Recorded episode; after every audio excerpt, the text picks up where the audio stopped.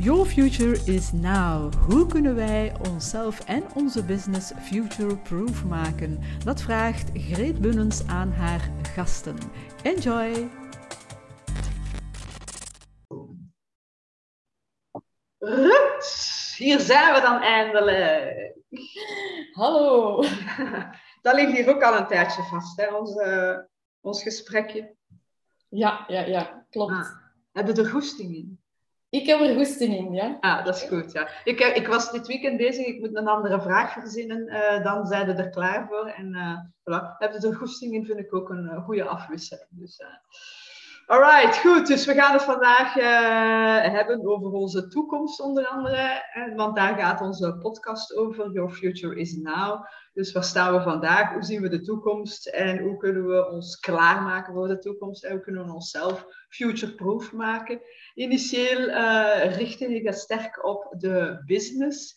En hoe kunnen we onze business future-proof maken? Dus vooral de ondernemers. Ik heb het sinds uh, een aantal maanden wat breder getrokken, omdat ik voel dat het dat er de tijd ook is om het wat breder te trekken en dat er ook algemeen meer te doen is rond waar zitten we vandaag. Het zijn toch wel speciale tijden en hoe zien we de toekomst nu? Hoe ziet die eruit? Dat is wel spannend. En, uh, en hoe kunnen we daar uh, dieper op ingaan? Maar dus voordat we officieel gaan beginnen met het serieuze gesprek, begin ik altijd met een, een meer ludieke vraag. Okay. Dus van onze kletspot. en ik stel voor, ik zal zo zo'n beetje nadenken. En ik zal er met mijn vinger over gaan en dan moet jij maar stopzetten en dan... Oké. Okay. Ja. Stop. Een keer kijken, wat komt er hier uit? Voilà. Heb jij wel eens iets bovennatuurlijks meegemaakt? Supernatural, mijn favoriete serie. Als er mensen zijn die ook fan zijn van Supernatural en die kijken of luisteren, laat het mij weten. Ik ben grote fan. Anyway, heb je al eens iets uh, boven... Oh, oh. op dit uur van de dag is ja, ik denk het wel. Um, en dan denken bovennatuurlijk magisch. Um, ik, ik ben ooit um, naar Compostela gefietst vanuit België. En ik denk dat dat wel een, reis was waar dat er veel uh, speciale momenten waren. En ja, is dat bovennatuurlijk of niet? Gewoon speciale plekken of dingen waar je voelt van hier gebeuren uh, speciale dingen. En ja, ik denk dat ik dat misschien wel bovennatuurlijk kan noemen. Ja. Um, en dan het tweede waar ik nu zo spontaan aan denk, is onze, onze onze trouw, de dag dat we getrouwd zijn, voor mij was dat misschien ook wel iets uh, bovennatuurlijk, om het zo te noemen. Een hele speciale, magische dag. Uh, ja. Mensen die je graag ziet. En, uh, ja. ja. Zeg, je reis van naar Compostela, wat was daar dan? Zo, kunnen daar nog één, één herinnering aan ophalen? Ja, ik, ik zie nog zo'n plek ergens, ik weet niet meer juist hoe de berg noemt, ergens in Spanje. Een plek waar dat mensen een steen waar dat je zo een steen kunt achterlaten en iets alleen symbolisch kunt achterlaten. En dat is voor mij een plek waar dat ik toen aan mezelf beloofd heb om meer trouw te blijven aan mezelf en mijn grenzen beter aan te geven. En ja, dat is een, een moment of een, een, plek waar dat ik nog wel regelmatig aan terugdenk. Ja. ja. En ik denk, ja, en, en de geboortes van ons kinderen, ik denk dat dat ook gewoon iets bovennatuurlijk of, of heel speciaal moment is uh, geweest in mijn, uh, in mijn leven, denk ik. Ja. Er zijn zo'n aantal dingen waar ik zo nu direct aan denk. Er zullen er zeker nog wel andere zijn, maar eh, ja. ja. Ja, het is, allee, wat is bovennatuurlijk ook. Hè? Dus vaak gaat het ook over zo dingen dat je zegt van oei, dat is nu wel toevallig. Zo van, hm? Dus ik dacht aan iemand en nu belt hij dan plotseling. Dat vind ik ook al bovennatuurlijk. Is dat bovennatuurlijk? Als we naar Supernatural kijken, gaat het over vampieren en weerwolven die we nu moeten afslachten, bij wijze van spreken. of, demons, demons en angels. Maar, uh, dus dat... Uh, in een massa zo ineens iemand, iemand tegenkomt... Uh, ja, dat je zegt van, allee, hoe kan dat nu dat ik die hier tussen zoveel mensen, dat ik die hier uh, ineens tegen het lijf loop. Zo. Dat zijn ook wel dingen die ik ja, regelmatig heb. En Ehm, dus ja, is dat dan bovennatuurlijk of, of toeval of een teken? Ehm, dat vind ik ook wel altijd leuk of, of bijzonder zo. ja. ja. ja, het zijn die dingen. Hè. En, en je, hoort dat wel. Allee, hoort dat wel meerdere mensen zeggen van als ervoor open staat, dan uh, komen er veel meer synchronicities in je leven. Dus die mhm. toevalligheden die geen toeval zijn. Ja, dat, ja. Uh, dus uh, voilà. Ik ben eens benieuwd. Um, voilà, of dat er nog mensen zijn die iets bovennatuurlijks hebben meegemaakt. Ik denk, ik denk inderdaad zo eerder die, die, die toevalligheden dat je zegt van, ah oh ja, eigenlijk is dat wel... en het moest zo zijn, heb ik ook vaak de, de idee. ik heb zo'n uh, een nieuwe groep vrienden, bij wijze van spreken, die, uh, bij wijze van spreken, nee, die, die ook zo helemaal toevallig bij elkaar gekomen zijn. Uh, we hadden er vrijdag nog een feestje. En ehm, dat is zo, we kennen elkaar nog maar een paar weken, de meeste. de meeste komen ook in mijn podcast trouwens. En dat lijkt alsof dat wij elkaar al, al eeuwen kennen. En, en, en dit is ook zoiets, allee, dat is nu wel toeval dat wij nu allemaal samen zijn. En ik had nog een, allee, we hadden ook een foto gepost van dat feestje van vrijdag en al die mensen zo, allee zeg, hoe, hoe toevallig dat jij dan allemaal samenkomt. Hè? Dus, uh, dus ja, inderdaad, hè, there's no such thing as coincidence. Hè? It was meant to be. Ja, ja. zeg maar, uh, Ruud, voor de mensen die jou niet kennen, uh, hè, dus wie ben jij? Wat doe je? Wat drijft je? En waarom? yes, vertel. Um, dus ik ben Ruud Verrasselt. Ik uh, ben getrouwd met Michael. En uh, we hebben drie kinderen, Maren, Siebe en Rune. En uh, ik werk hier in, in onze praktijk Espazo samen met Michael. dus Michael is mijn man slash collega, maar ik zeg meestal vooral mijn man. en Michael werkt hier als psycholoog, ik werk hier als pedagoge. En ik uh, begeleid enerzijds kinderen en jongeren en anderzijds ook volwassenen, um, waar ik uh, loopbaancoaching doe. En bij de kinderen en jongeren um, gaat het vooral over veerkracht, zelfvertrouwen. bij de jongeren ook het stukje rond studiebegeleiding, plannen en organiseren, dat soort dingen. En de rode draad doorheen alles wat ik doe, is eigenlijk mensen blij maken. Hè? Dus ik noem mezelf uh, ook wel eens de blijmaker.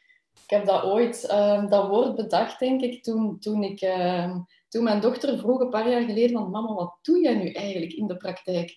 En toen was ik aan het proberen om dat uit te leggen aan haar. Uh, en ik zei van ja, eigenlijk kan je het misschien gewoon heel simpel samenvatten. En mama probeert om mensen terug blij te maken of iets blijer te maken. Kleine en grote mensen. Um, en ik denk dat ik dat zo'n beetje als mijn missie zie misschien, um, zowel in de praktijk denk ik als, als gewoon in mijn leven. Um, mensen terug wat blijer maken, wat meer in hun kracht zetten. En ik, uh, ik start daarbij heel vaak vanuit de, de talenten. Uh, dat is ook zo'n beetje wat dat belangrijk is bij mij. dus voilà, dat is zo'n beetje wat ik uh, doe van. En verder hou ik van de zon, koffie, de zee. Uh, genieten van kleine dingen in het, in het leven eigenlijk. Ja. Yes, en slagermuziek. Hè? slagermuziek af en toe. dat is mijn vader, mijn vader zijn schuld. Ik ben daar een beetje mee opgevoed. Ja. Dus, uh, dat is toch blijven hangen. moet kunnen, moet kunnen. Uh, zeg, en uh, blij, blij maken, en eigenlijk is dat wel een, een, een fantastische missie. Hè? Ehm, hoe zijn er daarop gekomen? Zijn jij onmiddellijk met kinderen begonnen? Of, uh, wat ik, ik, ik, ik, ik, zie u inderdaad vooral als de persoon die met, met de kinderen bezig is, met de talenten enzovoort. Ik weet dat je ook loopbaanbegeleiding doet. Uh, maar het ding dat bij mij de meeste indruk gemaakt heeft, en ook als ik al gezien heb, dat je bijvoorbeeld met, met Nick uh, gewerkt hebt, of hoe, hoe, dat die opvleurde als die bij, met jou had gewerkt, dan zit dat bij mij vooral in mijn, in mijn focus. Zo. Ehm, maar zijn er dus altijd met, uh, met kinderen uh, aan de slag gegaan? Of? Um, ik heb, uh, mijn, tijdens mijn stage eigenlijk, in, toen ik pedagogie studeerde in Leuven, um, heb ik eigenlijk op, op twee plekken gewerkt. Enerzijds in het buitengewoon onderwijs, in, in het lager. dat was vooral met kinderen met een leerstoornis en kinderen met een licht verstandelijke beperking. en daarnaast werkte ik in een praktijk, waar ik vooral de diagnostiek deed en, en begeleiding van kinderen en jongeren met uh, leerstoornissen. Ehm, dus dat is van het begin altijd wel geweest. En, en dan ben ik een stukje meer wat afgestapt van echt die, die diagnostiek ook, omdat ik voelde dat dat ook niet meer helemaal ehm, bij mij paste om mensen echt in een vakje, uh, in een vakje te steken. Maar het begeleiden van de kinderen is er altijd wel, kinderen en jongeren is er altijd wel zo wat, is altijd wel wat gebleven. Ik heb intussen al wel wat verschillende jobs gedaan. Uh, en eerst, eerst lange tijd een combinatie van een stukje onderwijs en dan in bijberoep. En dan, ja, sinds vijf jaar denk ik, hebben we dan de stap gemaakt om volledig zelfstandige te worden. En toen begeleide ik uh, iets meer volwassenen. Uh, ja, enerzijds omdat ik die ook overdag dan vaak kon zien en omdat ik anders altijd aan het werk was als mijn eigen kinderen uh, thuis waren. Ja. Dus het is tijdelijk wel een, een, een, fase geweest dat ik minder die kinderen en jongeren begeleid heb. Maar nu komt dat terug zo wat meer op de, op de voorgrond. Mm -hmm. ja. Dat is nog altijd wel iets wat ik graag, uh, graag doe, omdat ik, het, omdat ik het ook belangrijk vind dat... dat en die talenten zijn er dan een paar jaar geleden bijgekomen, omdat ik merkte bij mezelf, door, door mijn eigen talenten beter te kennen, dat ik ook beter merkte van oké, okay, dit is niet meer de goede context voor mij. Dat was dan in dat geval toen onderwijs om, om te blijven werken. Um, dat is niet meer wat mij blij of gelukkig maakt. Um, en dan heb ik die stap gezet om, om het volledig zelfstandig te doen. Um, en wacht, wat was ik nu nog aan het denken? Ik ben even mijn draad kwijt. Ja, alleen sowieso. Hoe dat je daarbij gekomen bent om met die talenten onder andere te gaan werken. Hè? Ja, wel inderdaad. Dat ik dan mijn eigen talenten meer ben gaan ontdekken. En omdat ik ook merkte van als ik dan een, een gesprek deed met kinderen en jongeren. Um, vroeger deed ik dat heel erg. Deed ik altijd een intakegesprek, zoals ik het ja, een stukje in mijn opleiding geleerd heb. Om met het, uh, het kind en de ouders, of soms zelfs het hele gezin samen. Maar dan merkte ik vaak dat dat een gesprek was dat, dat heel vaak ja, direct over de problemen ging of zo. Uh, en heel erg dat probleem analyseren. Terwijl als ik dan meer opleidingen ben gaan volgen rond oplossingsgericht werken en talent, talentgericht werken, uh, ben ik eigenlijk gestopt met een beetje die, ja, hoe moet ik het zeggen, klassieke manier van, van intakegesprek. En start ik eigenlijk nu altijd, of toch bijna altijd, uh, met een talentgesprek als eerste gesprek. Dus eigenlijk een, gesprek van een uur waar ik eigenlijk de talenten in kaart ga brengen. Um, aan de hand van een gesprek en vragen die ik stel. Um, en dan krijgen ze eigenlijk een blad naar huis waar dat hun naam op staat en eigenlijk hun 10 à 12 talenten die het best bij hen passen. Um, en ik merk dat dat voor mij gewoon een hele andere start is om een, om een begeleiding. Ja, het vervolg van zo'n begeleiding is heel anders dan wanneer dat je eerst op alle problemen gaat inzoomen contact met het kind of de jongere of met de volwassenen is ook gewoon anders, omdat je mensen al een stuk ja, in hun kracht zet. En heel vaak weten mensen al heel goed wat ze niet goed kunnen. Ja, want vaak komen ze bij mij in de praktijk als het, gaat, ja, als, als het niet goed gaat. Hè, of, of um, en als ze dan naar buiten gaan al met hun talenten en waar ze blij van worden, waar ze energie van krijgen. Wanneer ze in de flow zitten, dan ja, hebben ze direct dan een heel andere... Een, ja, een heel ander traject gewoon. Ja. Mm dus daar geloof ik wel, wel heel sterk in.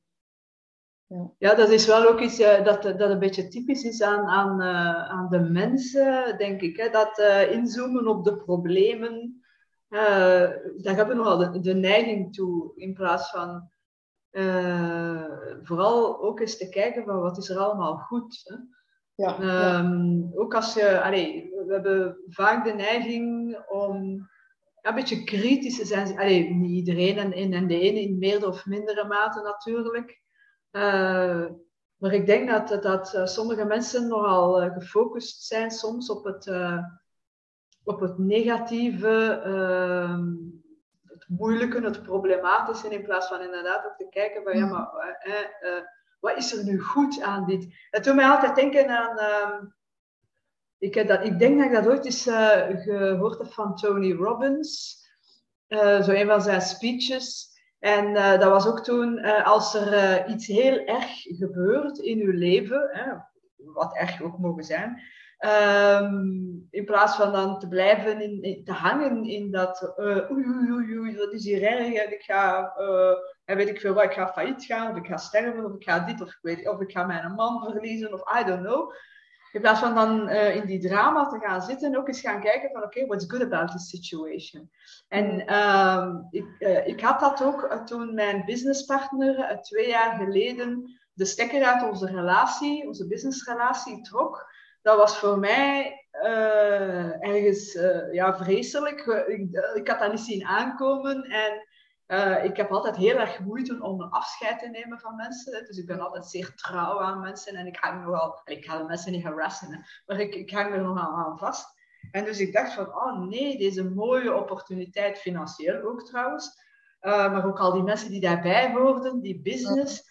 Uh, ik had het daar heel erg moeilijk mee, initieel. Terwijl dat, dat een geschenk was, hè, dat weet ik ook. Um, maar dan heb ik mij ook herinnerd die vraag van Tony Robbins: What's good about this situation?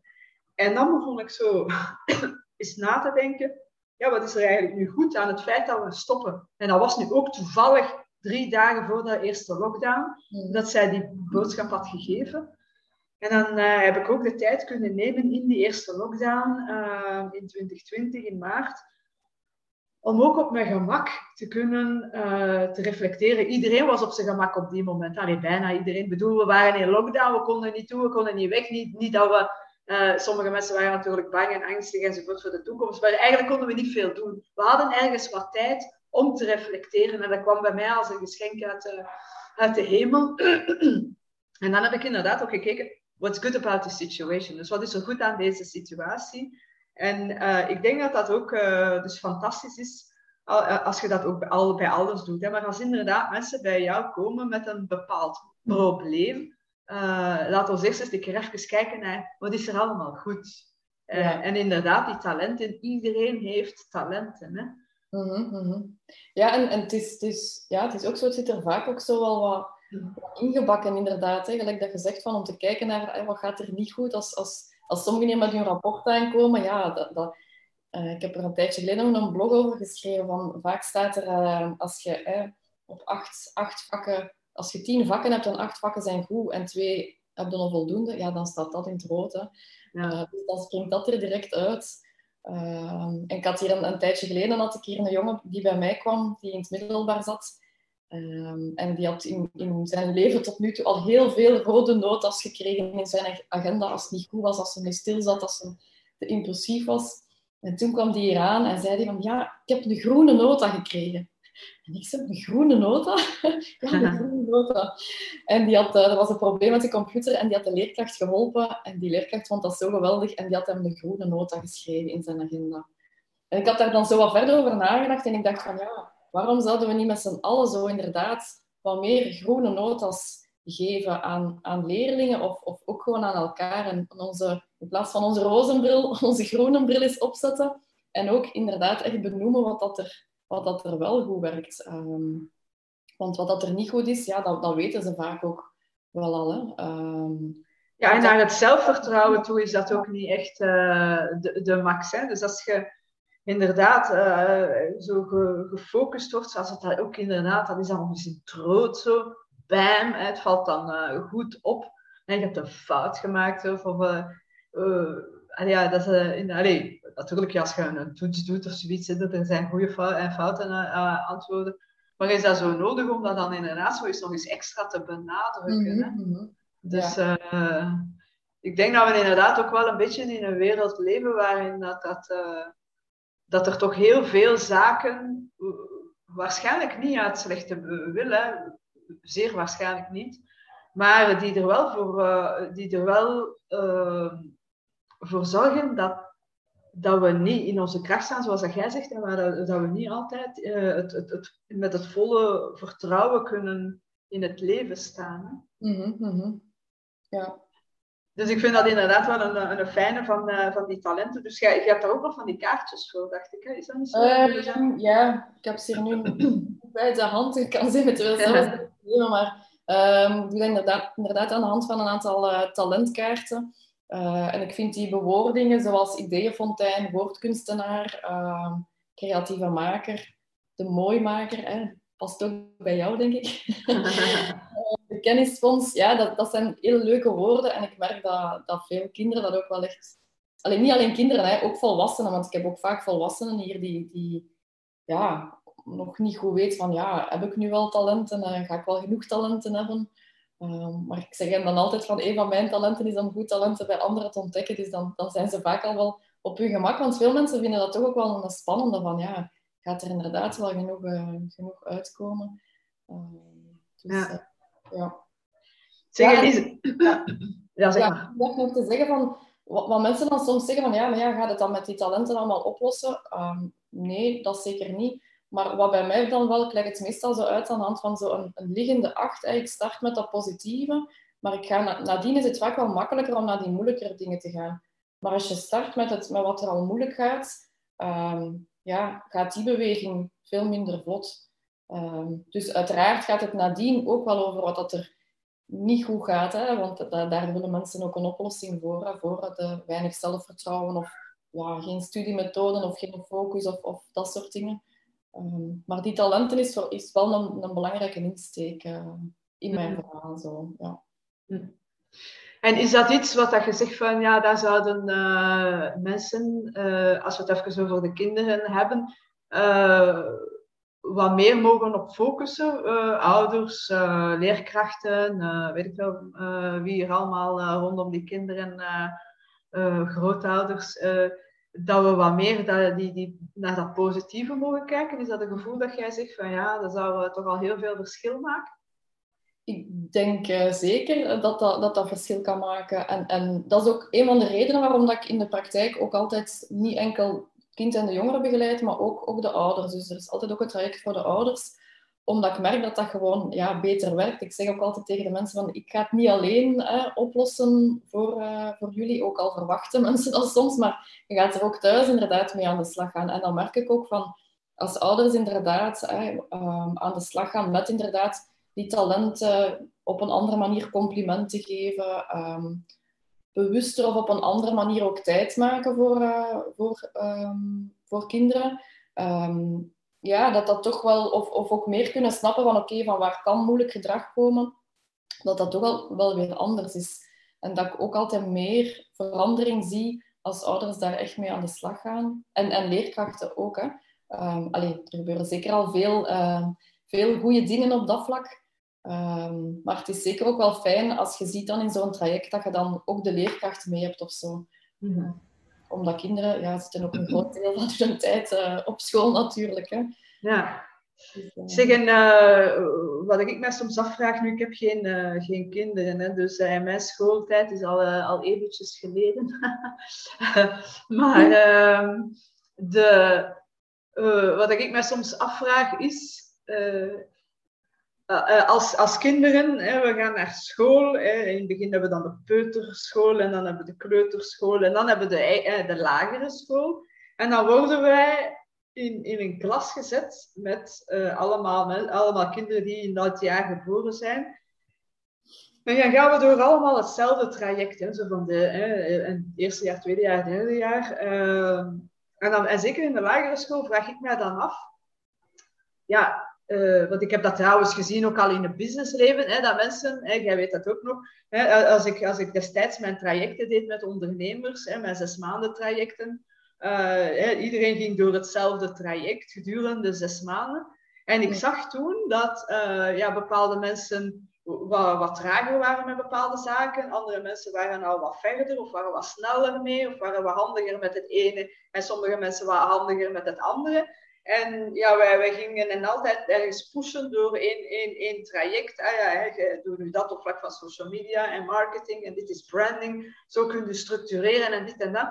Maar dat was bijna een moeten en dit is de manier om dat te doen.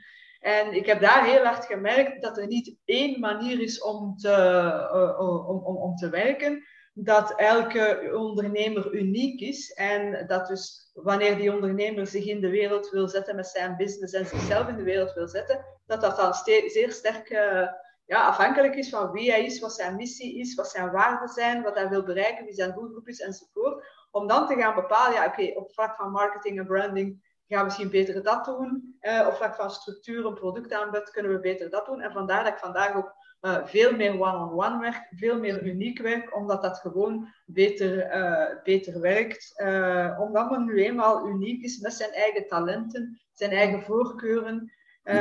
Dus ik, ik hou niet van die standaard trajecten waarin dat we zeggen, en dit moet je nu doen en dit is de manier, want dat bestaat niet in mijn ogen.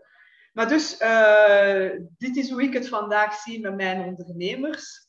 Mijn ondernemers, je weet wel. Mhm. En, maar dan, dan kunnen we dat perfect terugbrengen eh, naar, naar de kinderen ook op school. Hè. We, we, we, duwen ze door een traject. Hè. Dus in, in de eerste studiejaar moeten we met z'n allen, denk ik, beginnen rekenen en lezen, wat dat redelijk logisch is. Maar is dat, is dat altijd even aangepast, vraag ik mij dan af. Hè? Want elk kind is uniek. En zeker in het eerste studiejaar zitten we dan toch, als je in januari geboren bent of in mhm. december geboren bent, is toch ook een heel groot verschil. De ene heeft gewoon talenten, uh, is heel bespraakt, denk ik. En de andere gaat misschien uh, meer een wiskunde nerd zijn, I don't know. Hoe, hoe, kijk je daar tegenaan? Zouden we daar wat, wat meer... Uh, kunnen ook one-on-one werken, of is dat gewoon totaal een, een utopie en uh, van de pot gerukt idee van mij? Als ik zou mogen dromen, dan, dan, zou dat, dan lijkt mij dat inderdaad ook wel, wel, wel ja, één, één is natuurlijk uh, hoe dat je dat praktisch organiseert, dat, dat zie ik ook niet direct, maar ik, ik denk wel als je meer zo nog in kleinere groepjes kunt werken met kinderen. Allee, ik, zie, ik zie veel scholen waar dat je inderdaad klassen hebt met 25, ja, 25 kinderen. Onze kinderen zitten nu op een school waar ze al wat kleinere groepen hebben, tussen de 18 en de 20 ongeveer. Dat is, dat is nog veel, maar dat is toch al wel een verschil, vind ik.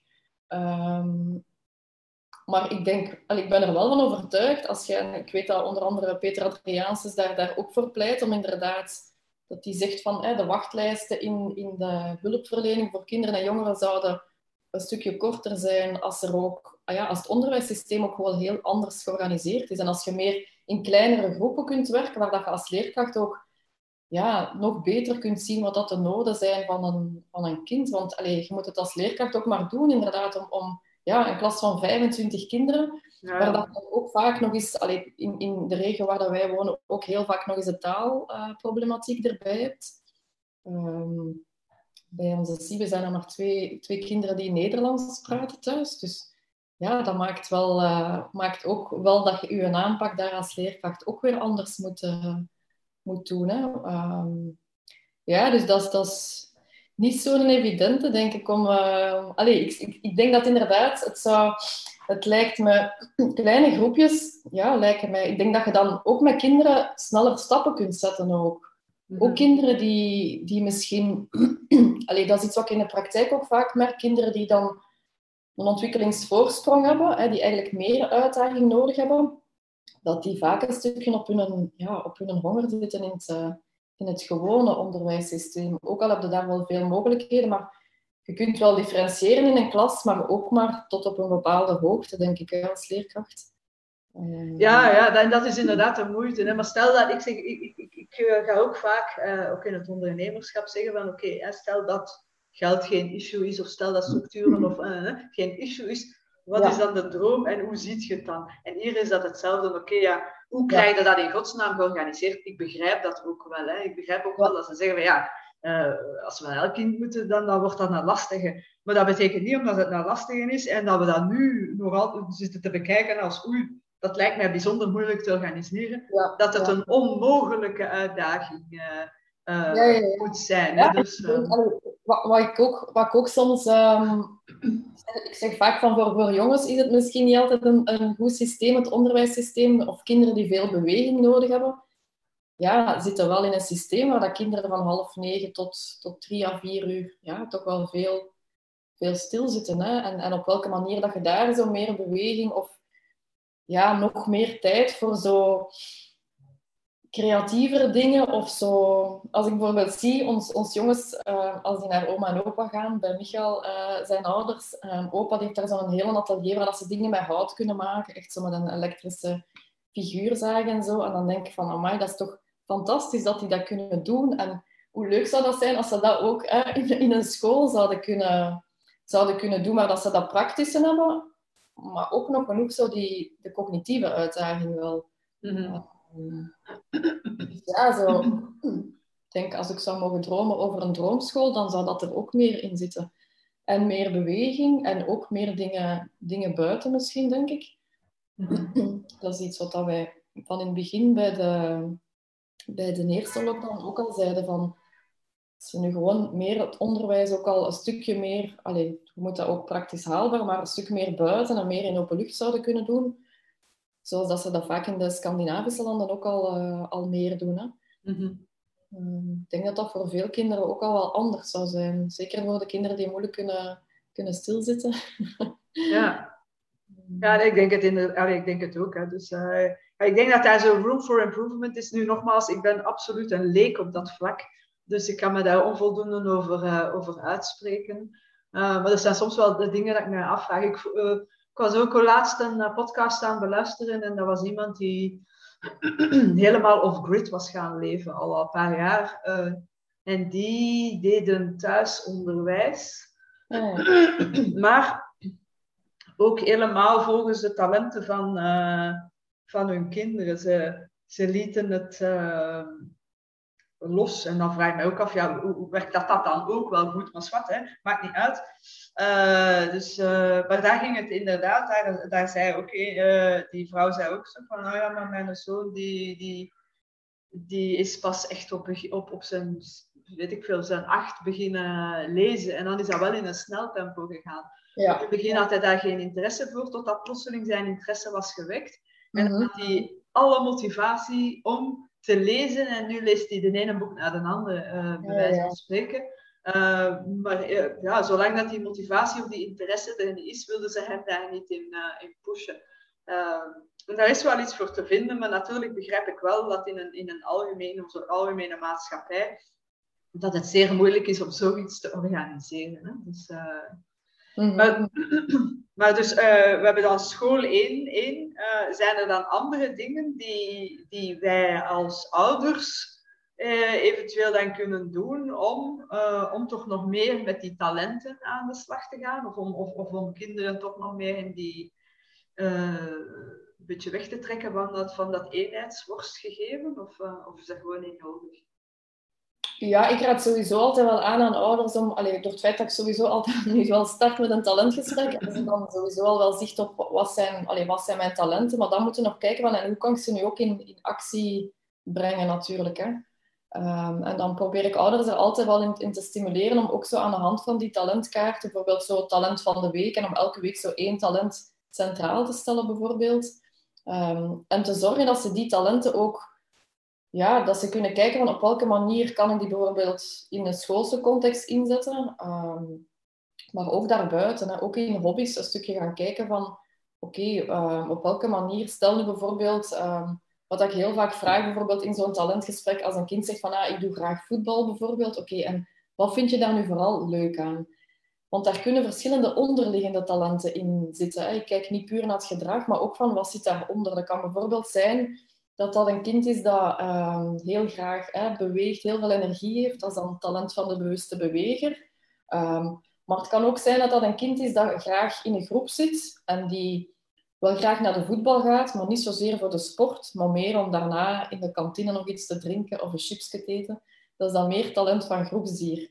Of dat kan een kind zijn dat juist goed is in het tactische en het, van, uh, van het spel, meer het talent van de planmaker. Maar de talenten die eronder zitten, zijn wel belangrijk, want bijvoorbeeld het talent van groepsdier, kinderen die graag in groep zitten, maar niet per se een voetbal graag doen. Misschien is voetbal dan niet de goede hobby voor dat kind, maar eerder naar een jeugdbeweging, Giro of een Scouts, of, maar dat ze ook veel dingen in groep hebben, maar minder dan het, het, uh, ja, het, het voetbalgegeven. Want vaak zie je dan ook dat die kinderen dan bijvoorbeeld minder vaak een match mogen meespelen, omdat ze misschien motorisch wat minder goed zijn, maar ze vinden het wel gewoon fijn om dat met hun vrienden te doen. Ja. Um, dus, dus op die manier, door zo bewuster op die talenten in te zetten, denk ik, en te kijken van op welke manier en in welke contexten en wat zijn ook goede contexten voor mijn, uh, voor mijn kind? Mhm. Of soms ook om bewust te kijken van, van als mensen merken van ja, deze context is niet, niet goed voor mijn kind, om ook bewust allee, of, te kunnen kiezen van oké, we gaan kijken naar welke context past daar dan beter voor in hobby's, maar dat kan ook zijn naar schoolkeuze of, of studiekeuze ook. Hè.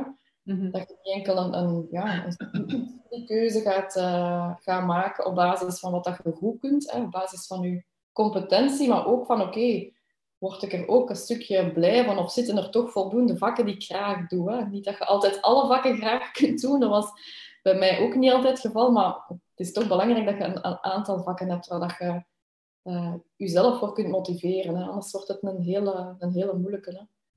Uh, ja, want ik denk ook dat, uh, dat het soms, ik zeg dat bij een, een, een, vriendin van mij, haar, haar zoon. Ehm, en ja, die wilde absoluut, omdat het een slimme was, die zoon, wilde ze absoluut dat hij in naar de, de, wiskundige richtingen in Tumajora ging. Hè? Dus of Latijns, ik weet het niet meer zo, maar de, de, de zogezegde moeilijkere richtingen, omdat het een slimme was. Terwijl die, de, die gast was, uh, ja, was vooral geïnteresseerd in, uh, in, in, in, uh, in, het creatieve en dergelijke. Mm -hmm. en dat heb je soms denk ik ook bij ouders. En natuurlijk, ja, het is, het is, je kunt dat begrijpen, uiteraard. Hè? Mensen willen alle kansen aan hun kinderen geven. En we zitten nog altijd in een, in een systeem dat degene die door uh, de moeilijkste richtingen uh, volgen, vaak ja, meer kansen krijgen. Dus ik kan wel begrijpen dat men, men, men pusht naar dat, dat die, die, die, die moeilijkere richtingen, zeker als die persoon uh, of dat kind het aan kan. Maar of dat, dat dan altijd de beste keuze is, dat is een ander verhaal. Mm Door mensen zullen jij waarschijnlijk ook al over de vloer gehad hebben. Nee? Dat mensen, wie, wie komt er eigenlijk typisch bij u uh, over de vloer? Ja, ik was net aan het denken dat vaak de mensen die bij, die bij mij in loopbaancoaching komen soms, hè, die dan merken na zoveel jaar van ja, ik doe hier nu, ik heb nu dat gestudeerd of ik doe nu die een job, maar eigenlijk merk ik dat ik dat toch niet zo graag doe. En als je dan zo'n stukje teruggaat, dan, dan blijkt vaak dat ze inderdaad voor een, een studiekeuze alleen niet altijd, maar toch wel vaak uh, iets gekozen hebben wat dat ze moesten doen of wat dat ze dachten van ja, ik kan dat goed, dus ik ga dat studeren. Maar het is niet omdat je het goed kunt, ja, dat je er ook energie van krijgt. En dat is ook altijd wel een belangrijk onderscheid dat ik dan maak. Want het verschil tussen een competentie is iets wat je goed kunt en een talent is wat je goed kunt en waar je ook blij van wordt, energie van krijgt, in de flow zit. Uh, dus dat zijn dan zeker, allee, dat zijn de volwassenen die dan een stukje bij mij komen. Um, bij kinderen en jongeren zijn is het eerder... Uh, ja, dat zijn verschillende dingen. Dat kan zijn weinig zelfvertrouwen, faalangst, uh, niet goed weten hoe dat ze moeten studeren, um, niet goed plannen, weinig focus. Of iets wat ik de laatste tijd ook meer heb nog... Misschien ook een stukje versterkt sinds, sinds die lockdown of het afstandsonderwijs is het meer, meer gamen. Um, en, en daardoor ook minder de focus hebben op het studeren natuurlijk. Um, of het constant afgeleid zijn door, door allerlei schermpjes. Waardoor dat die focus, als die er dan moet zijn om te studeren, dat die ja, veel lastiger is. Hè?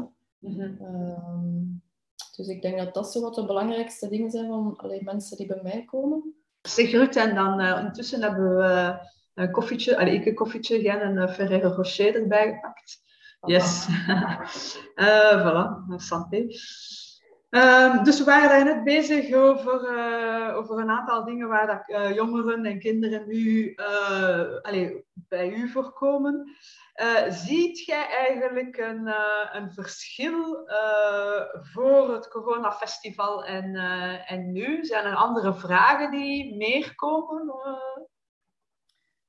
Um, ik merk, we ja, sinds, sinds denk een, een tijdje hebben we sowieso wel meer aanvragen hier in de praktijk, zowel bij, bij Michael als bij mij. Um, als ik kijk bij de aanvragen bij mij, merk ik dat de studiebegeleiding, dat er nu meer vraag naar is. Um, en zoals ik daarnet al zei, de dingen die daar vaak aan bod komen, is, is um, dat gamen of het, het schermgebruik, dat dat vaak een moeilijke is. Zowel bij kinderen als bij jongeren eigenlijk. Omdat je merkt dat in het begin van, die, van de, ik ging zeggen, de eerste lockdown, ik weet niet wel hoeveel lockdowns dat waren, maar dat gaat alleszins zo, zeker die periode in het begin, als mensen dan van thuis moesten werken online en intussen die kinderen die thuis waren en mensen waren eigenlijk constant aan het multitasken, waardoor dat veel, veel kinderen ook veel meer uh, ja, tv hebben gekeken of gegamed of, of met schermpjes zijn bezig geweest. En bij sommige mensen is dat ook wel moeilijker om dat nadien terug, terug af te grenzen. Omdat ze dat toen heel veel mee bezig waren, is dat bij sommigen precies moeilijker om, om daar een grens op te zetten. En ik merk dat dan sommigen zelfs zoiets hebben van die het dan volledig loslaten. Ehm, waardoor dat ik denk van, oei, dat is ook niet altijd een, een goed idee. Ik denk dat het nog altijd wel belangrijk is om daar, om daar wel een grens of een, een limiet op te zetten. Van niet te veel uh, op schermen bezig te zijn. Dat bedoel Ja. je? Ja. Ja. Maar dat geldt ook voor ons, hè? Allee, voor volwassenen ook. Hè? Ja, ja, ja, tuurlijk. Bij volwassenen zie je het inderdaad eh, ook. Hè. Eh, Mhm. het, is, het is bij de beiden. Hè. Ja.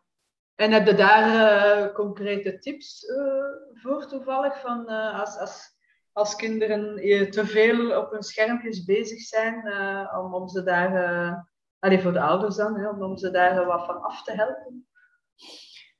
Maar ik denk de, de duidelijkheid rond de, rond de regels van, van wanneer mogen ze op scherm, maar ook om voldoende schermvrije tijd te voorzien. Ehm, en, en ja, ook daar weer merk ik vaak wel bij zo'n...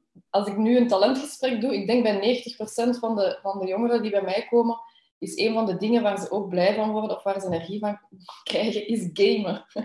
En dan probeer ik ook altijd te gaan kijken van welke talenten zitten daaronder. Want daar zitten ook wel vaak talenten onder van de planmaker die meer het, het, ehm, het strategische en het tactische, de grenzenverlegger die steeds verder willen naar dat volgend, volgend game. Dus ik probeer te kijken welke talenten zitten daaronder en op welke manier kunnen die ook in andere contexten gaan inzetten.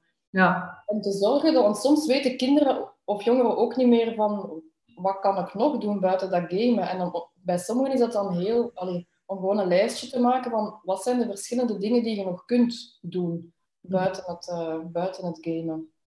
Ehm, Ja, ik had, ik had een eh, vriendin van mij, en die haar, eh, haar zoons zijn ook fervente gamers, al, al jaren. En die ene is er ook vrij goed in, blijkbaar. En zij moedigde dat, moedigde dat aan, want ze zei, ja, dat is, dat is zeer goed voor de analytische skills en eh, oplossingsgericht denken en eh, snel denken enzovoort. En ze zegt, eh, eh, ja, dat is goed voor als ze later on- ondernemer willen worden, want zij wil graag dat haar kinderen ondernemer worden. En ik kan me daar wel iets bij inbeelden, dat, dat, bepaalde, dat, dat dat gamen wel bepaalde skills ook bijbrengt. Maar zoals alles te, is, is te veel, tro is te veel. Hè? dus ja, Ja. ja. Ik denk, zolang, allee, zolang dat kinderen en jongeren genoeg andere dingen daarbuiten hebben, dan maak ik me daar ook niet direct zoveel zorgen over. Maar als dat echt hun wereld wordt, alleen dat stuk, enkel het online, ja, dan eh, moeten er wel dingen veranderen, denk ik. Of dan moet er toch eens naar gekeken worden, op zijn minst. Ja, ze worden helemaal klaargemaakt voor de metaverse van binnen, binnenkort. Ik, eh, ik weet niet of je dat al eh, wat gevolgd hebt van Facebook. eh, eh, is zo'n hele metaverse, een beetje zo de, de Matrix. Waarin dat je dan met je VR-bril. en binnenkort is geen VR-bril, een bril, niet meer een nee, nee, nee, bril. Eh, maar dus dat zijn niet nodig en dan kunnen we inderdaad helemaal in een virtuele wereld eh, leven. En, en daar wordt heel veel rond gedaan, dat je, dat je daar zelfs dingen kunt kopen, eh, dat je dat lief kunt vinden, dat je dat kunt naar een concert gaan enzovoort. Dus die metaverse eh, is, iets, eh, is iets fenomenaals. Ze willen een hele virtuele wereld creëren. Allee, daar zijn ze mee bezig. En dan denk ik altijd zo van, oh my god, ik ben waarschijnlijk oud geworden, maar dit is toch bijzonder creepy. Eh, kinderen, jongeren zitten al zoveel op die schermpjes, hè, omdat ze nu vaak ook moeten met de lockdowns eh, school volgen en dan dat gamen in hun, eh, en dan weet ik veel wat nog allemaal. En dan gaan we ze nog in een metaverse duwen binnenkort. Ja, ja. Ja zou, ik denk niet dat het direct mijn ding zal zijn als ik het zo hoor, maar... Ja, ja, het is... Allee, het ook, ook belangrijk dat kinderen ook nog altijd genoeg... En, en misschien hebben wij het geluk dat onze kinderen daar heel goed in zijn. Om zo, het zijn alle drie ideeënfonteinen, die hebben heel veel ideeën, waardoor dat onze living ook soms echt gewoon een ontplofte boel is. Want die zijn maar met Playmobil aan het spelen, dan denken die, oh, ik kan nog mijn Lego daarbij pakken. En, en op den duur hè, ligt dat hier helemaal vol. Maar dat die inderdaad zo nog, nog creatief bezig zijn en kampen maken en... en dat is iets wat ze bijvoorbeeld tijdens die een eerste lockdown hebben die dat enorm veel gedaan. Dan hebben die hier heel veel kampen zitten maken en, en hun nestjes precies aan het maken en verhuizen. En, en, en ja, ik vind dat belangrijk dat kinderen daar ook genoeg tijd en ruimte voor hebben. Dat het niet allemaal gamen of allemaal hobby's zijn die, die vastliggen. Um, alleen niks tegen een hobby. Maar als, je, ja, als elk kind twee of drie hobby's hebt waar je ze naar moet toerijden, dan, dan zie ik ook vaak ouders die daar al bijna in stressmodus van zitten. En dan denk ik, ja, dat kan ook niet de bedoeling zijn. Ik denk genoeg, genoeg tijd en ruimte. En Spaatse, onze praktijk staat ook voor ruimte. Hè, voilà. ruimte ook voor die dingen, om, om dat kinderen en jongeren daar ook genoeg tijd en ruimte voor hebben. Um, dus dat was zo dat stukje van dat game. En, en dan daarnaast zie ik, zie ik toch ook wel veel jongeren die, um, vooral vorige school, als er nog veel meer afstandsonderwijs was, um, die daar toch wel, wel heel wat moeite mee hadden om, om zichzelf daarin te organiseren. En er werden heel wat vaardigheden verwacht van jongeren, die veel jongeren op dat moment nog niet, nog niet hadden. Um, en ik zag daar verschillende dingen. Ik zag daar jongeren die eigenlijk zes à zeven uur bijna online les hadden, de ene les na de andere, en die eigenlijk ja, kapot waren op het einde van de dag. Mm. Ehm, bijna geen, hè, amper breinpauze kregen, hè. dat was het een na het ander. En dan zag ik ook jongeren die heel wat opdrachten kregen. De week dat ze thuis waren, kregen die heel veel opdrachten die ze moesten maken. En de week dat ze naar school moesten, kregen ze heel veel toetsen. ik zag ook scholen waar, waar dat ze het anders probeerden te organiseren, maar die heb ik dan misschien niet, niet in mijn praktijk gezien. Hè. Ik zag vooral de jongeren die daarmee struggelden van en hoe krijg ik dat georganiseerd en hoe moet ik hier focussen. En ik denk, het maakt het ook moeilijker, denk ik. Alleen maar misschien ben ik daarvan een oude stempel. Ik, zeg, zeg, ik zei heel vaak ook tegen hen van als ze veel online les hadden of dingen moesten studeren op een PowerPoint, zeg ik heel vaak van print het gewoon af dat is niet zo goed voor het milieu, maar dan kun je je laptop wegzetten en dan ga je wel beter kunnen focussen en zet je sneller klaar en is er meer tijd voor andere dingen. Want als je laptop, alleen dat is bij mij ook, als ik iets moet voorbereiden en ik doe dat op mijn laptop en ondertussen komt er een mail binnen of je kijkt even naar, naar iets anders, je bent constant afgeleid eigenlijk. Hè? Mhm. En dat zijn dingen die bij jongeren, denk ik, ja, ook nog iets meer gebeuren door het feit dat, je veel, dat ze meer online lessen hadden. Um, maar dat is ook iets dat we niet... Uh, men zegt wel in scholen ook van uh, concentreer u, focus u, hè, zit stil en zo van die dingen. Maar ze zeggen niet erbij hoe dat je dat kan doen. Dat is toch niet onze westerse maatschappij, in onze westerse culturen. Concentreer u. Ja, dat, zeker dan als je dat zegt van klassen van 20, 25 man, ja, probeer dat maar een keer te doen. Hè er wordt weinig tijd uh, besteed aan, aan, dat, uh, aan die... Ja, hoe doen we dat nu eigenlijk, uh, ons focus? Hoe doen we dat nu, concentreren? Ja, dat is, ook, dat is ook bij iedereen, iedereen anders. Hè? Mm -hmm. en dat probeer ik dan ook zo wat, wat, in kaart te brengen van wat zijn de momenten dat uw focus wel goed is? Hè? Wat helpt er u? Bij sommigen is dat met muziek studeren, bij anderen is dat zonder, zonder muziek. Sommigen hebben graag een bureau die helemaal clean is. Bij anderen hebben die graag zo wat, dat er toch wel wat dingetjes uh, staan. Sommigen zitten liefst vooraan in de klas bijvoorbeeld, kunnen dan best opletten. Uh, ik weet bijvoorbeeld bij, bij kinderen met ADHD zeggen ze vaak, kinderen die zich moeilijker kunnen focussen, zet die vooraan in de klas. Maar Katoen is een kind in de praktijk en die zei, nee, als ik vooraan zit, dan wil ik heel de tijd mij omdraaien om te kijken wat er achter mij gebeurt. Dus ik kan me, ik kan me beter concentreren als ik van achter zit in de klas. Hm. Ehm, of sommigen hebben zo'n koptelefoon, dat kan soms ook wel helpen om, om die focus ja, iets beter te hebben. Maar dat is bij elk kind en bij elke jongere anders. En ja, dat is belangrijk om dat ook wel wat, uh, wat in kaart te brengen. Mhm.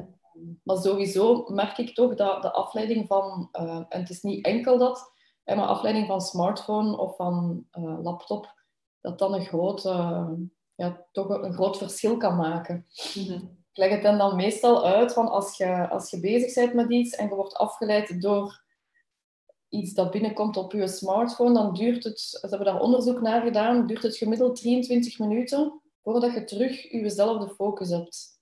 Hmm. En dan zie je ze vaak zo kijken van, want toen ik de eerste keer las, dacht ik 23 minuten, dat is wel echt lang. Dat is gemiddeld natuurlijk, hè. Soms, is, soms is het korter ook. Ehm, maar het is wel gewoon een feit dat als je heel de tijd aan het multitasken bent, dat dat eigenlijk niet gaat, omdat je, ja, je brein heel de tijd schakelt tussen twee dingen. Dus jongeren die dan effectief die smartphone ook wegleggen tijdens studeren, ja, zeggen me dan ook wel dat dat beter gaat. Ook al willen ze dat in het begin niet, niet zo geloven, natuurlijk. Ja. Um, ja. Maar dus concreet is daar uh, de, de opdracht van te gaan kijken, oké, okay, waar heb je, hè, wanneer focust je het beste, hoe doet je dat het beste? Van dat is echt te gaan onderzoeken van, wat zijn nu de, en ook voor ons volwassenen. Ja. ja, ik breng dat echt zo van in kaart, maar dan krijgen ze zo'n overzicht met vier aandachtspunten. Um, en, en dat helpt dan, helpt dan En dan daarnaast, allee, wat ik buiten die dingen, want het gaat niet over studiebegeleiding. Bij mij is de start bij studiebegeleiding, allee, je kunt pas goed studeren als je goed in je vel voelt. Hè, dus ik start vandaag ook altijd met de, met de talenten en met kijken van um, wat helpt er bij, moment, bij momenten dat je stress hebt bijvoorbeeld. En wat ik ook vaak zie of gezien heb de voorbije tijd, is dat toch heel veel jongeren ook wel last hebben van de ja, bepaalde maatregelen die er, die er genomen zijn, waarbij dat misschien kinderen en jongeren soms wat te veel over het hoofd zijn gezien en dat die echt wel dat sociaal contact missen. Um, of ook velen die het, die het ook met, dat, met het mondmasker toch wel lastig hebben ook. Hè. Je mag niet vergeten dat veel, veel jongeren, allee, hier in onze regio, Brusselse scholen, um, al vanaf september zitten die met hun mondmasker nog de hele dag op school. Hm. Um, en, en ik denk dat we dat toch ook wel niet mogen onderschatten, welke impact dat, dat, dat, dat heeft. Allee, dat is, ja, ik denk van dat gaat over, over meer dan, dan, dan zoiets dat je op je, op je gezicht hebt. Hè. Als je mhm. weet dat, dat ik denk ongeveer 85% non-verbale communicatie is, ja, wat mist je allemaal dan als, als kind of als, als jongere? Zeker bij, jong, allee, bij jonge kinderen. Ons, ons kinderen zitten nu ook in die leeftijdscategorie van dat ze nu ook een mondmasker moeten dragen, maar ik vind dat zelf uh, ik vind dat verschrikkelijk. Uh, en ik, ja, ik, heb daar, ik heb daar heel lastig mee en ik zie dat niet alleen bij mijn eigen kinderen, maar ik zie dat ook bij kinderen die hier in de praktijk komen, dat die dat, die dat moeilijk vinden, dat die zeggen ik kan daar minder goed door ademen, um, maar ook ik kan me minder goed concentreren in de klas. Dus dat zijn wel dingen die, dat ik, uh, ja, die dat ik ook merk en waar dat ik het, ja, waar dat ik het zelf als, als, als mama en als als pedagoge mij ook wel, wel echt zorgen maak van wat dat daarvan de impact ook gaat zijn op, op, ja, op korte termijn en op, op lange termijn. Ehm, ja, wat doet dat met een kind dat je, dat je een hele dag enkel maar zo die ogen, ehm, die ogen ziet? Hè? Ja, ik word, er, ik word er ook onnozel van. Hè? Maar dat is dan weer mijn ding. Uh, wat dat ze de kinderen aandoen, ik vind dat een misdaad tegen de menselijkheid. Voilà. Uh, ik ben daar wel uh, zeer uitgesproken in. Ehm, en dan vooral, vooral wetende vandaag de dag dat één, we niet te maken hebben met een killervirus. En twee, dat het uh, bijzonder nefast is, die mondmaskers. Het is ongezond een hele dag uh, door dat ding uh, ademen. Het doet eigenlijk niet wat het zou moeten doen. Allez, of toch niet waarvoor dat het bedacht is of waarom dat ze het zouden moeten doen. Ja, dat is, dat, ik, ik word er echt wel, uh, ik word niet gemakkelijk kwaad, maar dan word ik echt wel kwaad. Van, uh, hier zitten wij nu onze, onze kinderen te verplichten om een mhm. mondmasker aan te doen. Uh, why? Waarom? Het, het, het, het, het is slecht. Het is voor niks goed. Het is niet alleen slecht voor, voor je gezondheid, voor je longen, omdat je altijd je eigen adem terug gaat inademen. maar het is ook inderdaad zeer nefast naar voor het mentale welzijn van die, van die gastjes. Hè.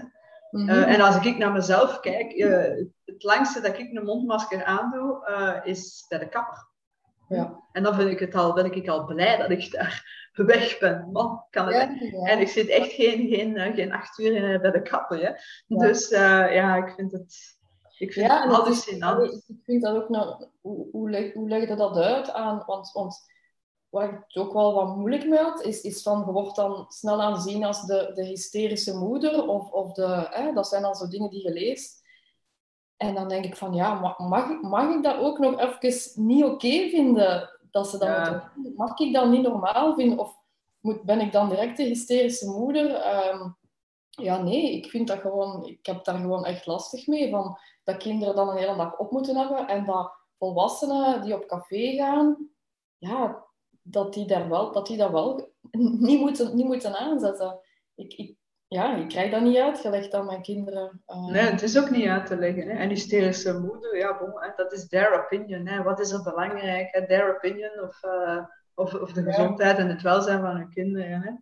Dus uh, ja, daar mag echt wel wat meer, meer uh, revolte tegenkomen, vind ik persoonlijk. Maar goed, dat is my humble opinion. Dus, en ik denk ja, dat, dat het goed is dat we daar hier nu ook eens eventjes over praten. Om toch die mensen die, die aan het luisteren of aan het kijken zijn en die toch ook daar twijfels over hebben, toch wel een hart onder de riem te steken van uh, ja, je bent niet alleen met je bezorgdheden en, uh, en durf inderdaad uw waarheid te spreken en opkomen voor de rechten van uzelf en van uw kinderen dan vooral. Ja, het is dat, want je kunt dat niet, allee, de kinderen kunnen dan niet, dat is, dat is ja, onze taak als volwassenen, maar ik, ik vind het zelf ook een hele, een hele moeilijke van hoe ga ik daarmee mee om en wat is de, de impact of, of hoe is dat voor die kinderen om dat inderdaad... Um, ik hoorde toen vooral in de media misschien vooral dingen van argumenten van hoe kun je je kind overtuigen om het op te zetten. Hè, voor oma en opa en wat is het allemaal. Maar ja, dat is niet wat ik toen wilde meegeven.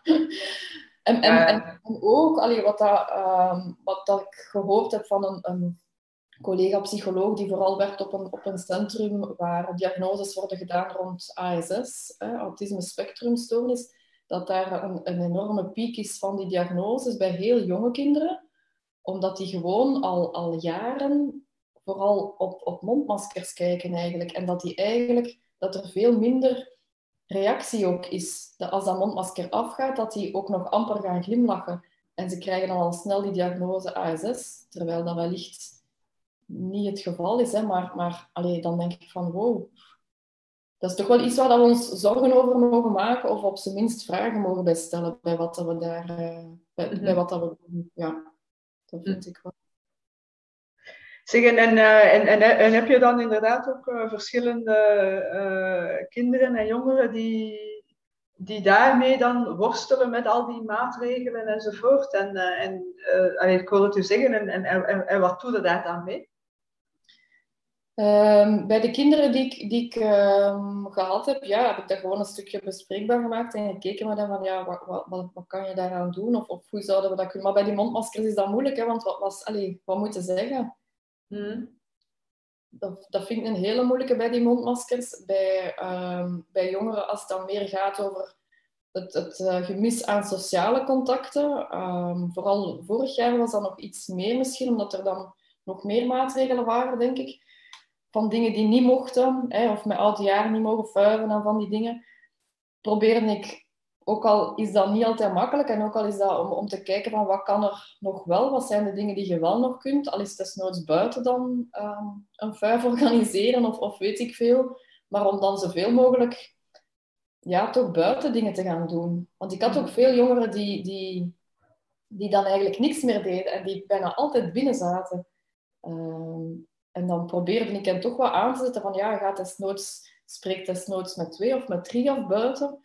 En ga iets zoeken of, of doe iets wat dat je wel, wel leuk vindt. Maar ja, het is soms makkelijk gezegd. Hè. Het, lukte mij, het lukte mij ook niet altijd om... Uh, ik ben van nature wel iemand die, die vrij positief in het leven staat. Maar het lukte mij ook niet altijd om uh, de positieve vibes uh, erin te houden. Um, en ik heb dan, ik ga misschien, ik heb hem hier, wacht, ik ga even.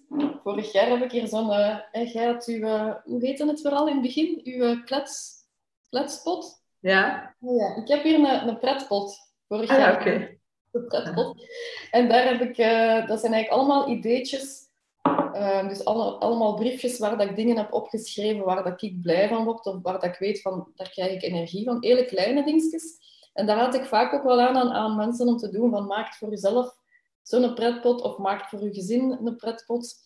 Um, en dat zijn, zijn kleine dingetjes, maar ja, het, het, denk, ik, het zit ook wel vaak in die, in die kleine dingen, denk ik.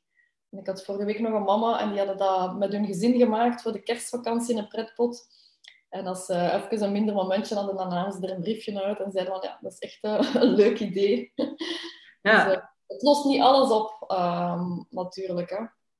Hm. Maar, ehm, maar ja, blij zijn van iets of dankbaar zijn voor iets, uh, dat verhoogt onmiddellijk al je trilling. En je kunt eigenlijk niet tegelijkertijd boos zijn op iemand en dankbaar zijn. Hè? Dus op hetzelfde moment diezelfde gevoelens hebben niet. Dus ik vind dat wel, die, dankbaarheid, of, in, in, uw, in uw geval dan misschien iets meer die blijheid. Ehm, ik vind dat wel een hele goede. Ik had dat ook uh, in uh, vorig jaar, in 2020, had ik uh, me ook eens gedurende twee maanden bezig gehouden op zo'n grote flipchart. Met elke dag minstens één dingetje te zetten waarvan ik, waarvoor ik dankbaar was.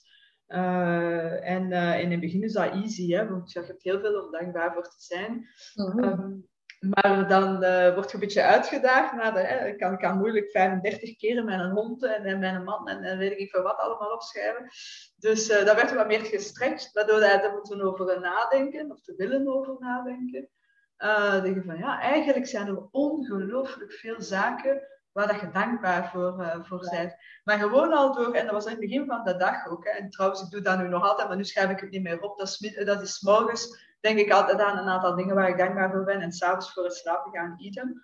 Uh, maar door daar dan aan te denken, ja, dat is het helemaal. Dus, ah ja, we waren weer zo'n mooie momenten in mijn leven. Ah ja, oké, okay, daar toen een keer uh, aan de zee en toen kwamen we Rut en Michael tegen en weet ik veel wat. Ja, het dat zijn, en dan denk je van, ah oh ja, tof. En als je zo je dag begint, of als je zo je dag eindigt, ja, dat is, dat is eigenlijk fantastisch. En dan, uh, dan zitten we wat hoger te vibreren, hè, want alle gevoelens hebben een frequentie. En het fijne vind ik ook dat je op hetzelfde moment, wat ik zeg, uh, kan je niet laag vibreren, bij wijze van spreken, of ja. slechte gedachten hebben. Dus als ik, ik had dat dan ook, hè, dus als ik dan wat moeilijkere gedachten had, of, of moeilijkere momenten had, uh, eerst was dat een beetje met het einde van mijn business. Nadien was dat toen ik uh, nogal rap door had dat, er, dat we in, een, in een tijdperk zijn beland waar dat, ja, waar dat,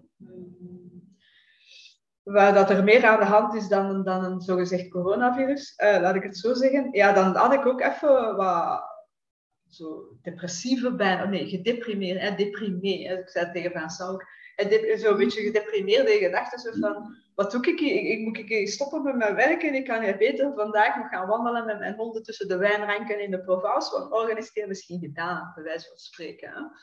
Uh, Maar dat heeft ook geen zin. Dus dan heb ik meer en meer beginnen focussen op ja, die wijnranken in de Provence met die honden wandelen. Hoe fijn is dat? En eerder met daarop te focussen dan te mhm. denken van, ooit, It's the end of the world as we know it. Dus, uh, en, en dat hielp mij ook wel uh, om, om op dat moment te focussen op het mooie, het goede, het positieve en daar dan dankbaar voor te zijn. En ja, denk een, een, ja dat, dat, is echt zo, die, die focus op het, op het hier en nu. Hè. En, mm -hmm.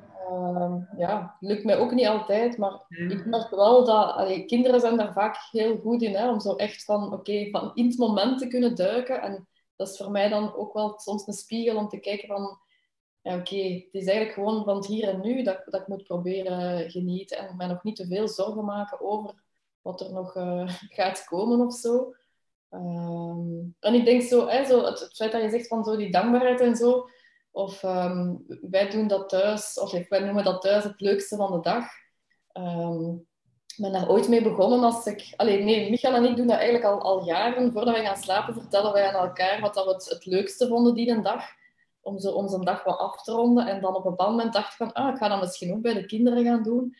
En dan vanaf dat Maren nog maar twee jaar was, denk ik, um, vertelde ik elke avond voor ze ging slapen van wat ik het leukste vond. En soms zei zij een keer een woord of een zin al. Maar nu is dat eigenlijk, dat is eigenlijk een momentje geworden dat wij bij alle kinderen doen voor ze gaan slapen. Eh, eerst het, avondritueel en uh, een boekje lezen en zo verder. Um, en dan vertel, vertellen zij wat dat ze het leukste vonden en dan vertel ik wat dat ze het leukste vonden. En in het begin is dat zo wat moeilijk. Um, soms voor kinderen om daar woorden voor te vinden. Maar nu is dat, dat, ja, ik vind dat zo belangrijk en ik geef dat ook altijd mee aan ouders van, um, zeker als je in een negatieve spiraal zit met je kind, nu, het is bij jongere kinderen misschien ook iets makkelijker om dat te starten dan bij, dan bij een puber of zo. Maar toch kunnen die momenten ook op andere, uh, op andere manieren proberen zoeken. Maar dat vind ik een heel belangrijk om. En ook, ook, al heb ik, ook al heb je dan soms een moeilijke dag gehad, of heb ik even ruzie gehad met een van de kinderen of zo. want mensen denken soms van dat, dat dat hier altijd uh, pijs en vrees, of dat alles hier altijd blij is. Maar dat is ook niet het geval. Ehm, maar dat je dan zo toch de dag kunt afronden met... Soms vertellen ze dan nog iets over wat niet leuk was. Maar dat je zo toch met dat positieve kunt, kunt afronden. Uh, Vind ik wel een belangrijke. En dat doet blijkbaar ook iets in je, in uw hersenen. Dat zorgt dat bepaalde hersenbanen ja, steviger gaan worden, waardoor dat, dat positieve ook beter verankerd wordt. Ehm, ik heb ooit zelfs gelezen dat, dat je eigenlijk twaalf dingen s'avonds zou moeten opschrijven om te zorgen dat je hersenbanen voldoende dat positieve zouden verankeren. Ja, en twaalf wat positieve dingen van de dag? Of, uh... Ja, twaalf positieve dingen, of dingen waar je dankbaar voor bent. Ja. Dus Greet. ja, maar het is ook niet moeilijk. En ik vind, het, zijn soms, het zijn ook vaak de, de kleine dingen. Hè. Ik, eh, ik, in de winter hou ik van flanellen lakens. Hè. Dus ik vind dat oh, geweldig. Hè. En mijn man vindt dat vreselijk, dus we hebben elk ons deken. Oh, en uh, ik heb dus mijn, mijn flanellen laken en gewoon dat al. Oh, ik lig hier in mijn flanellen laken. Dus het kunnen echt wel die domme, allez, stomme dingetjes zijn. Uh, kersenpit, mijn kersenpit opwarmen s'avonds. ja, maar het zijn vaak de kleine dingetjes. Koffie, ja. Ja, ja, het hoeven niet allemaal van die uh, grote zaken. En ik denk dat dat wel een goede, een goede tip is voor de mensen die luisteren.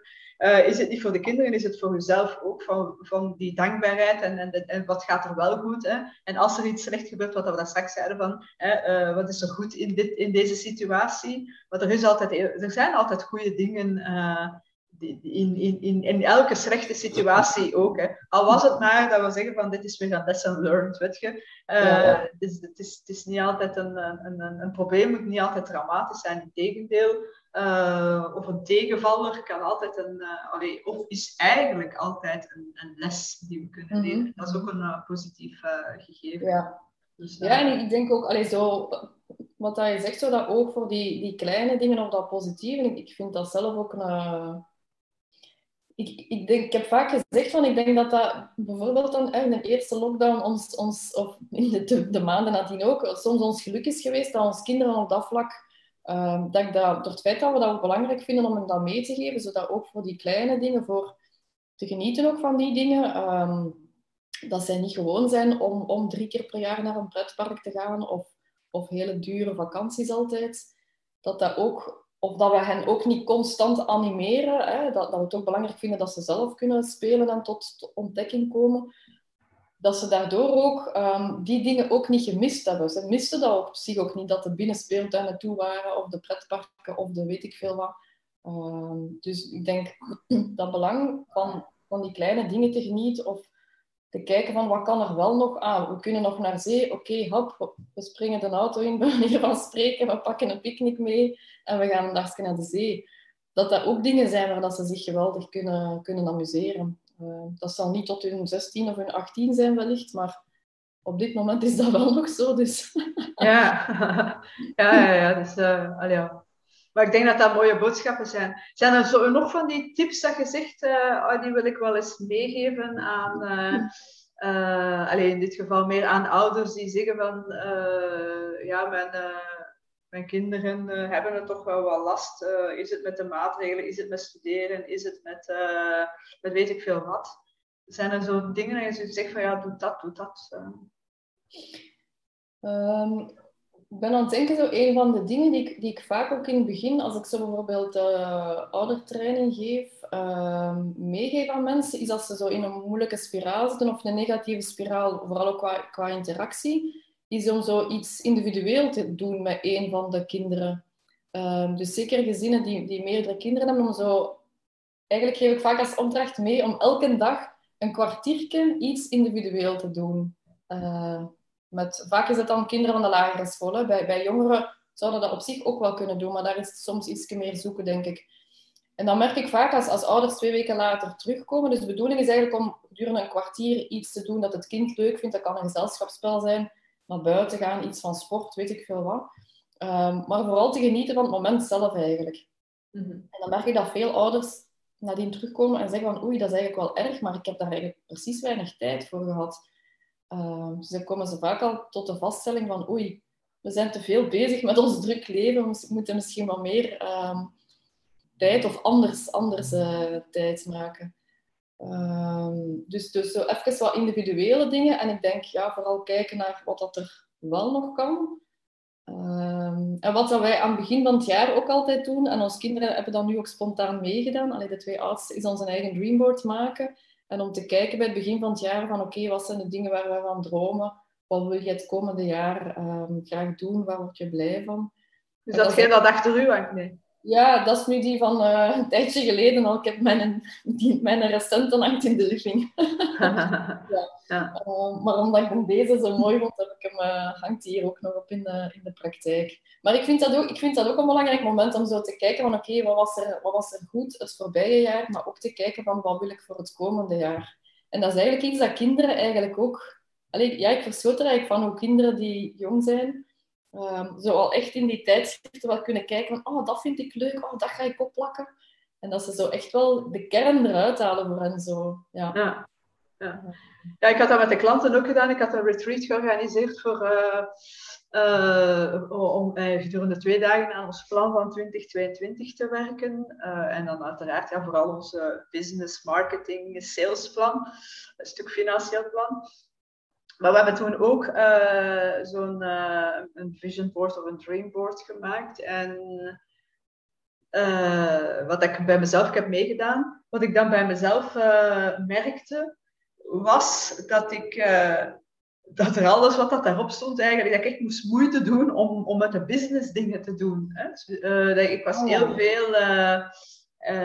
en dan zag ik bij de rest ook, ja, veel mensen inderdaad zijn dan heel veel bezig met dingen die ze willen wel realiseren of die ze willen doen of weet ik veel wat. Maar dat, dat, dat is toch heel vaak uh, in de, in de privé-context. Toevallig in die groep die daar samen zit. Dat zal zeker en vast niet altijd zijn.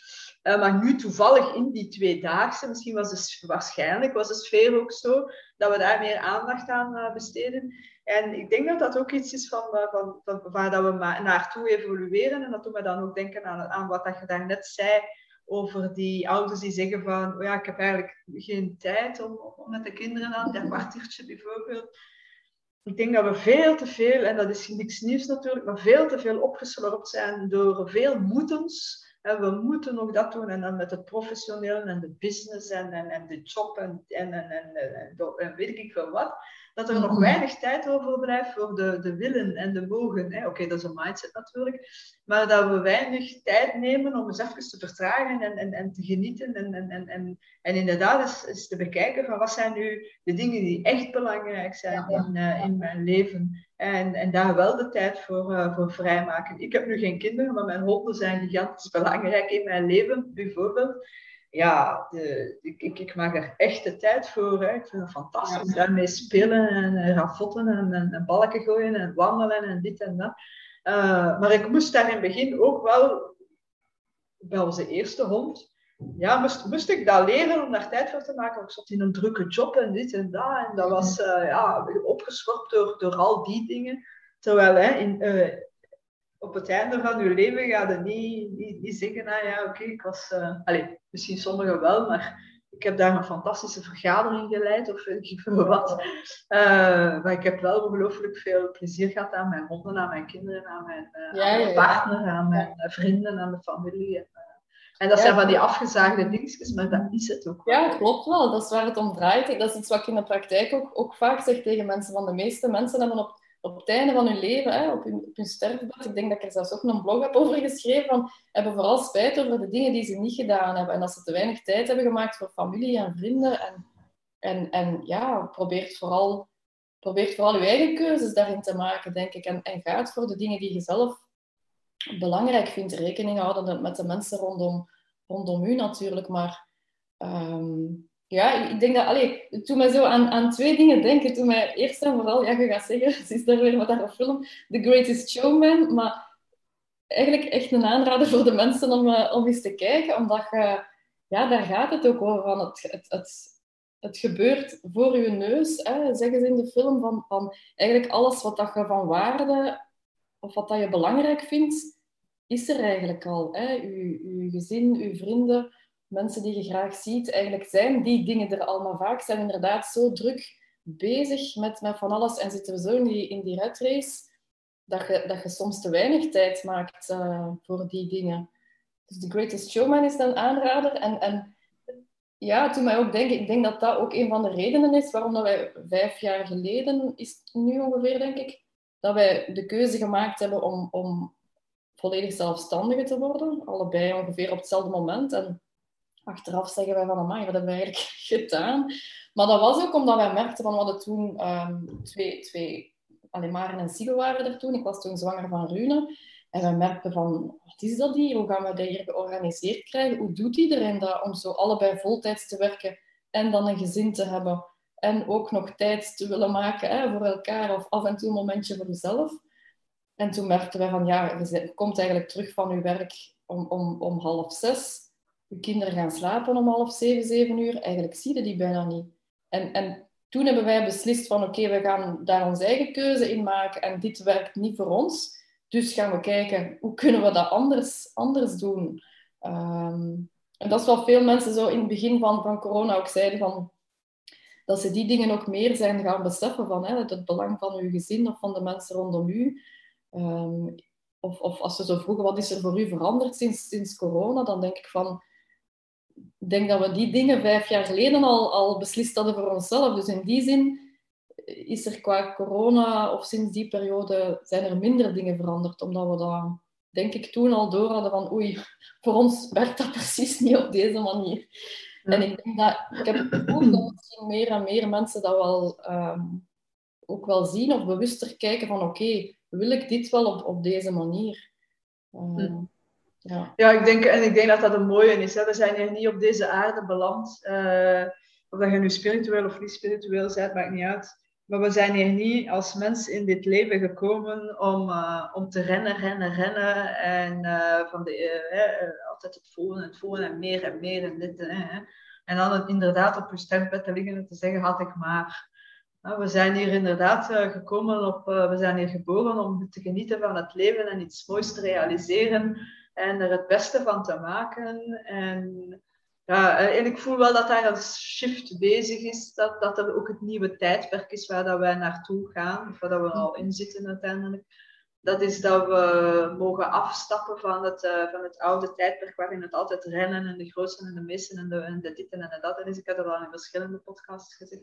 En dat we veel meer mogen evolueren naar een, uh, naar, uh, een tijdperk waarin dat het waarin dat het gaat inderdaad om, om, om, om het leven te, voluit te genieten. En dat heb je in de Showman, The Greatest Showman ook wel. Als je ziet die, die, die, die, echt het, het, het, genieten en, en, en, en het mooiste maken van de kleine dingen ook. En al, het is wat je zegt, alles wat dat je... Alles wat dat je wilt, is er al. Hè. Je moet het alleen willen zien ook. Hè. Ja, ja. Ja, en we komen, toch, we komen toch terug bij de Vlaamse slager. Het van laat de zon in je hart. Laat de zon in je hart. moet kunnen, moet kunnen. Zeg Ruud, ja. uh, nog twee vragen. Ik? Ah, ja, ja. Dit is mijn, mijn, dat komt uit The Greatest Showman. De mooiste kunstvorm is anderen blij maken. Dat, mhm. dat was de, de quote die op het einde van de film kwam. En ik dacht van, ja, dat, dat is voor mij dat past gewoon zo bij mij. Misschien daarom dat ik ook zo fan ben van die film. Maar uh, ja, voilà. Dus ergens ben ik ook een kunstenaar om anderen blij te maken. En, en ja, voor mij komt het daar uh, op Maar dat is ook zo. Hè? En je doet dat ook fantastisch, vind ik. Ook met dat creatieve dat je erin uh, in brengt. En uh, ja, ik vind, dat, ik vind dat je dat geweldig doet. Dus ik ben ook heel blij dat je toch ja heb gezegd op mijn, op mijn podcast. Hè, want in het begin was zo, oei, oei, nee, nee, nee. Hè, maar kijk, hè, we zijn er levend van afgeraakt. Ja, ja, ja. zeg, uh, nog twee vragen. Eén uh, vraag, is er nog een gouden tip? Dat jij zegt van, mannen, eh, ouders, kinderen, uh, jongeren, doe dit vanaf nu. We hebben al veel tips gegeven, hè, maar dus is er hmm. nog één dat we misschien vergeten zijn, je zegt, yes, die wou ik nog meegeven ik, ik zou misschien vooral willen zeggen van maak vooral uw, uw eigen keuzes. De keuzes die bij jou passen en, en probeer je niet te veel te laten afleiden door, door alles wat er uh, gebeurt. Dat is wat ik nu terug misschien iets meer probeer, om inderdaad echt uw eigen keuzes te maken en, en vooral te kijken van welke waarden zijn er belangrijk um, voor jezelf en om die wat in kaart te brengen ik heb dat ooit voor mezelf gedaan en dat, dat maakt voor mezelf zijn, zijn vijf dingen met een V. Hè? Vrolijkheid, vrijheid, verbinding, vertrouwen en, en vorming. Zo jezelf blijven vormen. En die waarden helpen mij ook om, om, om, ja, om keuzes te maken. Van, om inderdaad te zorgen dat ik die dingen genoeg in mijn leven heb. En aan de hand van die dingen mijn keuzes te maken. En ja, ik kan zeggen, misschien niet altijd doen wat de massa, wat de massa doet. Maar zelf kritisch blijven nadenken vind ik een, een heel belangrijke. Ik denk dat ik ook zo ben, ben opgevoed. Of, om, om, of ook in mijn opleiding dat heb meegekregen. Van, blijf vooral ook zelf nadenken. En, en doe de dingen ja, waar, dat jij, ja, waar dat je blij van wordt. Kies en bemin je keuze.